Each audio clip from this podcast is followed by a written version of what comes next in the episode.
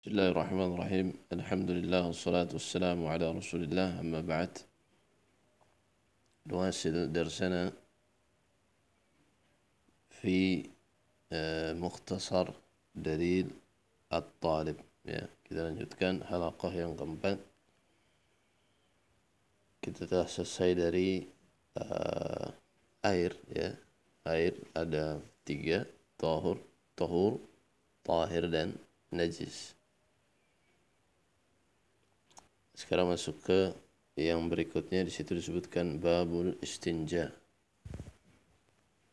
Qala rahimahullah, qala hafizahullah babul istinja atau bab mengenai istinja.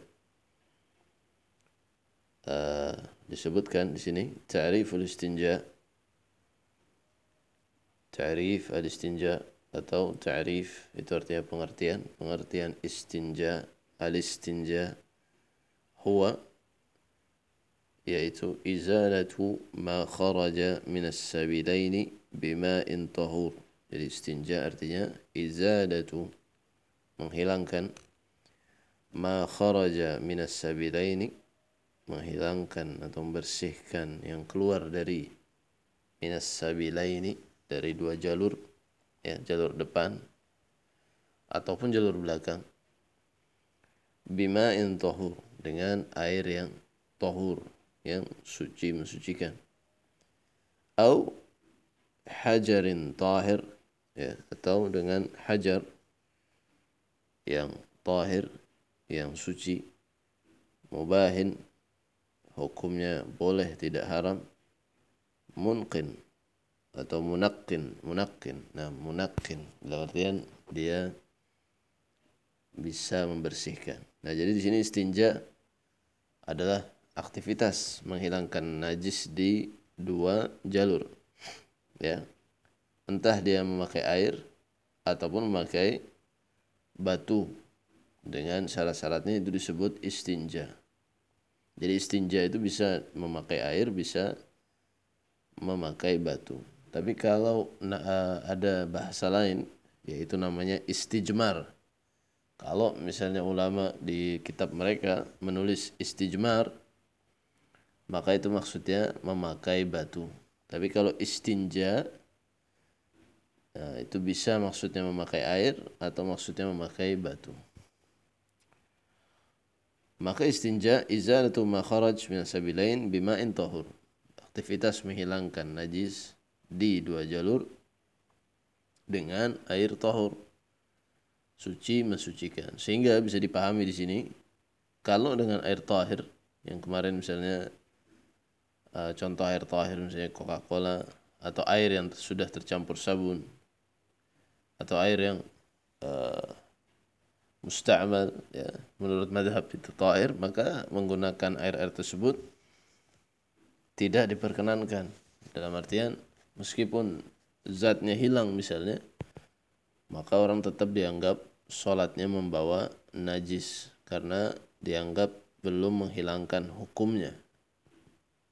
Karena disyaratkan sudah batal tahun tapi Allah alam sebagaimana kita singgung di bab air yang lebih eh, berapa ulama seperti Syekhul Islam menyatakan bahwa bisa najis dihilangkan dengan baik hukumnya ataupun zatnya dengan selain air tahur sehingga kalau orang Eh, buang hajat dengan air musta'mal maka uh, suci ya di, di, dihukumi suci.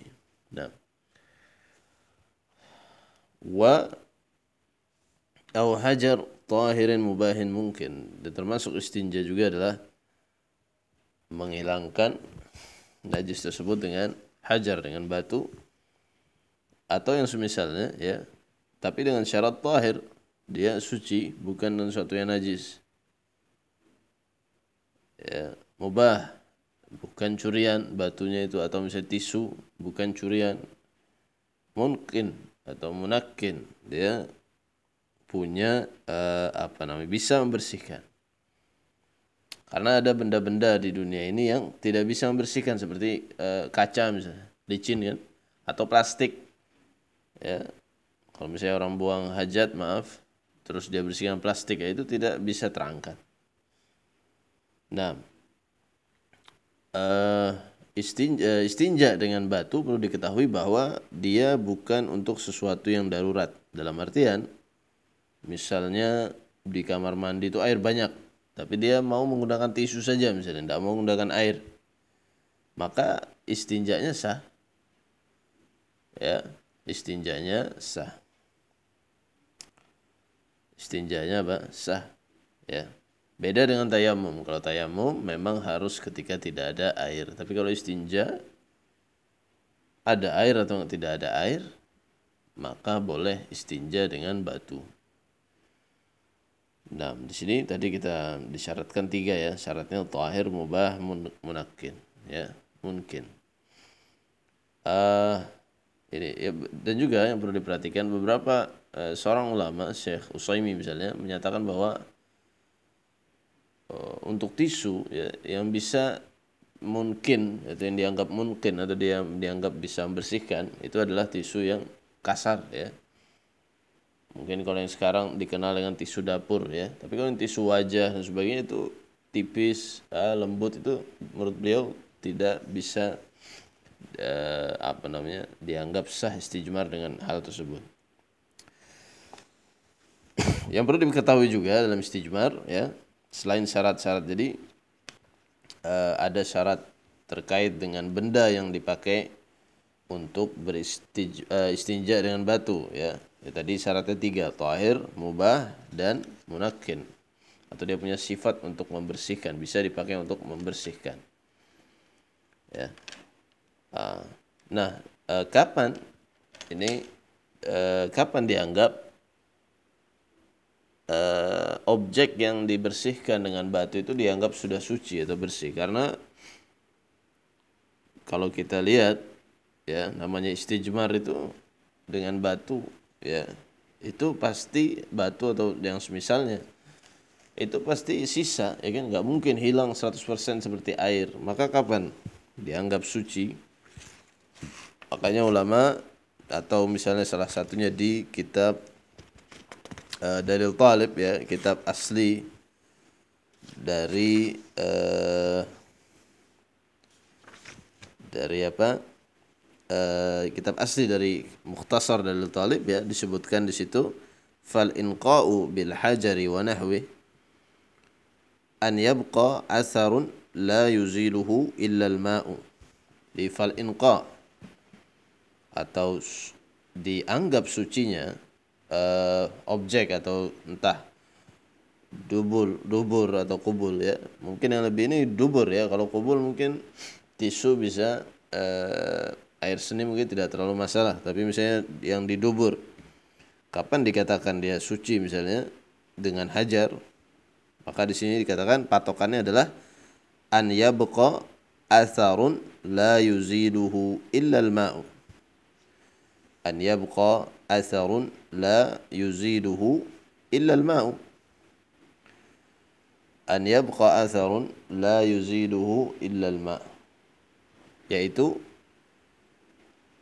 dianggap sudah suci jika an yabqa atharun jika ada asar atau sisa yang uh, sisa yang menempel ya la yuziluhu ilal ma. Sisa tersebut sudah itu hanya bisa dihilangkan oleh air ya. Jadi bahasa yang lebih uh, sederhananya atau lebih enaknya ya karena kalau pakai bahasa terjemahan itu kadang sulit. Jadi Eh, lebih enaknya ya kalau kita pakai bahasa kita sendiri lebih enaknya uh, dia menyisakan uh, sisa yang itu sudah tidak bisa dihilangkan kecuali dengan air ya. Misalnya orang buang hajat di pesawat misalnya air sedikit ya atau di pesawat kan airnya misalnya hanya di uh, di mana namanya? Hanya di wastafel misalnya kan. Sedangkan untuk di WC-nya itu kadang uh, tidak disediakan. Nah, misalnya kita pakai tisu, maaf mungkin uh, jorok, pakai tisu, tisu yang keras tadi, yang kasar tadi atau batu. Uh, kita coba angkat, kita coba hilangkan satu kali, uh, satu kali apa namanya istilahnya, kita bersihkan, masih ada uh, kotorannya di tisu, ya. Kita buang misalnya. pakai tisu yang kedua masih ada.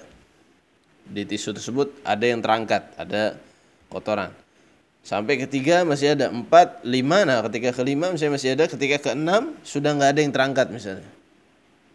Sudah tidak ada terangkat. Maksudnya di tisunya itu sudah tidak ada eh, fesesnya misalnya tidak ada kotorannya misalnya. Nah tapi meskipun di di tisu tersebut tidak ada najis atau tidak ada kotoran kita misalnya bukan berarti yang di tempat maaf di duburnya itu sudah hilang semua ya kan? Pasti masih ada sisa ya kan? Dan itu tidak mungkin lagi terangkat apalagi sudah kering. Nah maka apakah ini dianggap najis? Jawabannya enggak. Itu sudah dianggap dia sudah dianggap suci ya. Sehingga kalau kita sholat, ketika sholat sholatnya sah. Nah, jadi patokan kapan orang sudah dianggap suci? Ketika e, dengan istijmar dengan batu jika dia menyisakan najis yang tidak sudah tidak bisa dihilangkan kecuali dengan air. Nah, kalau kalau misalnya istinja pakai air, patokannya apa ya? Sampai harus hilang semuanya, ya. Kalau masih ada sisa berarti dianggap masih bernajis. Tapi kalau dengan air, ya harus apa? Harus dengan semuanya semuanya harus hilang nah uh, jadi masalah yang ketiga ya jadi masalah yang pertama tadi uh, terkait bahwa istinja tidak mesti darurat ya yang kedua tadi apa ya uh, masalah istinja saya lupa yang ketiga adalah ini kapan istinja dengan batu dianggap sudah suci ya nah Uh, selanjutnya yang sini disebutkan tahir mubah mungkin ini terkait dengan batunya atau yang dipakai. Nah, sekarang bagaimana terkait dengan aktivitas istinjanya? Aktivitas istinja dengan air yaitu uh, jika dengan air maka itu wajib dengan di dalam madhab harus tujuh kali. Ya, meskipun najisnya udah hilang, misalnya baru tiga kali cebok, tiga kali siram, sudah hilang najisnya dubur, maka tambah empat kali. Ya karena dalam madhab hambali najis harus dihilangkan tujuh kali. Ya e, nanti kita insya Allah pelajari di izalatun najasa. Meskipun yang rajih menurut para ulama yang kuat e, menurut beberapa ulama adalah tidak mesti tujuh kali. Yang penting kalau sudah hilang najisnya sudah ya sedangkan kalau dengan batu itu wajib tiga kali ya tiga kali misalnya kalau tiga kali hilang maka sudah atau kalau dua kali sudah hilang maka wajib menambah satu kali lagi ya wajib menambah satu kali lagi. Jika misalnya tiga kali belum hilang, maka tambah empat, lima sampai dia hilang. Ya, tapi yang jelas tidak boleh minimal uh, dari tiga meskipun sudah hilang. Ya. Uh, dan juga ini terkait uh, tadi terkait dengan syarat uh, batunya yang digunakan, terus terkait dengan aktivitasnya.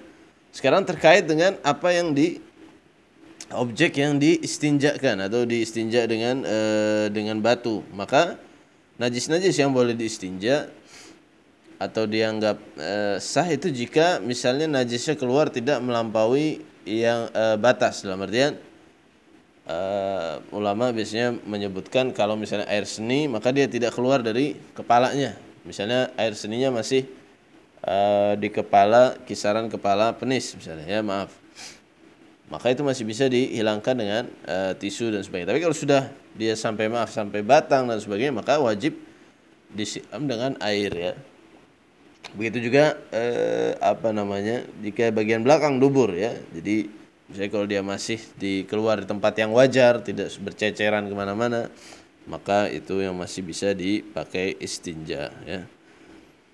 Kalau misalnya sudah uh, apa namanya apa istilahnya sudah melebihi sampai ke paha dan sebagainya maka eh, yang diistinja dengan batu cukup yang di yang di tempatnya tapi yang sudah melebar ke mana-mana maka itu wajib dihilangkan dengan air ya.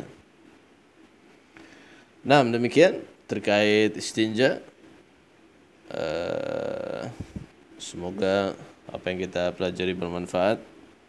Wassalamualaikum warahmatullahi wabarakatuh.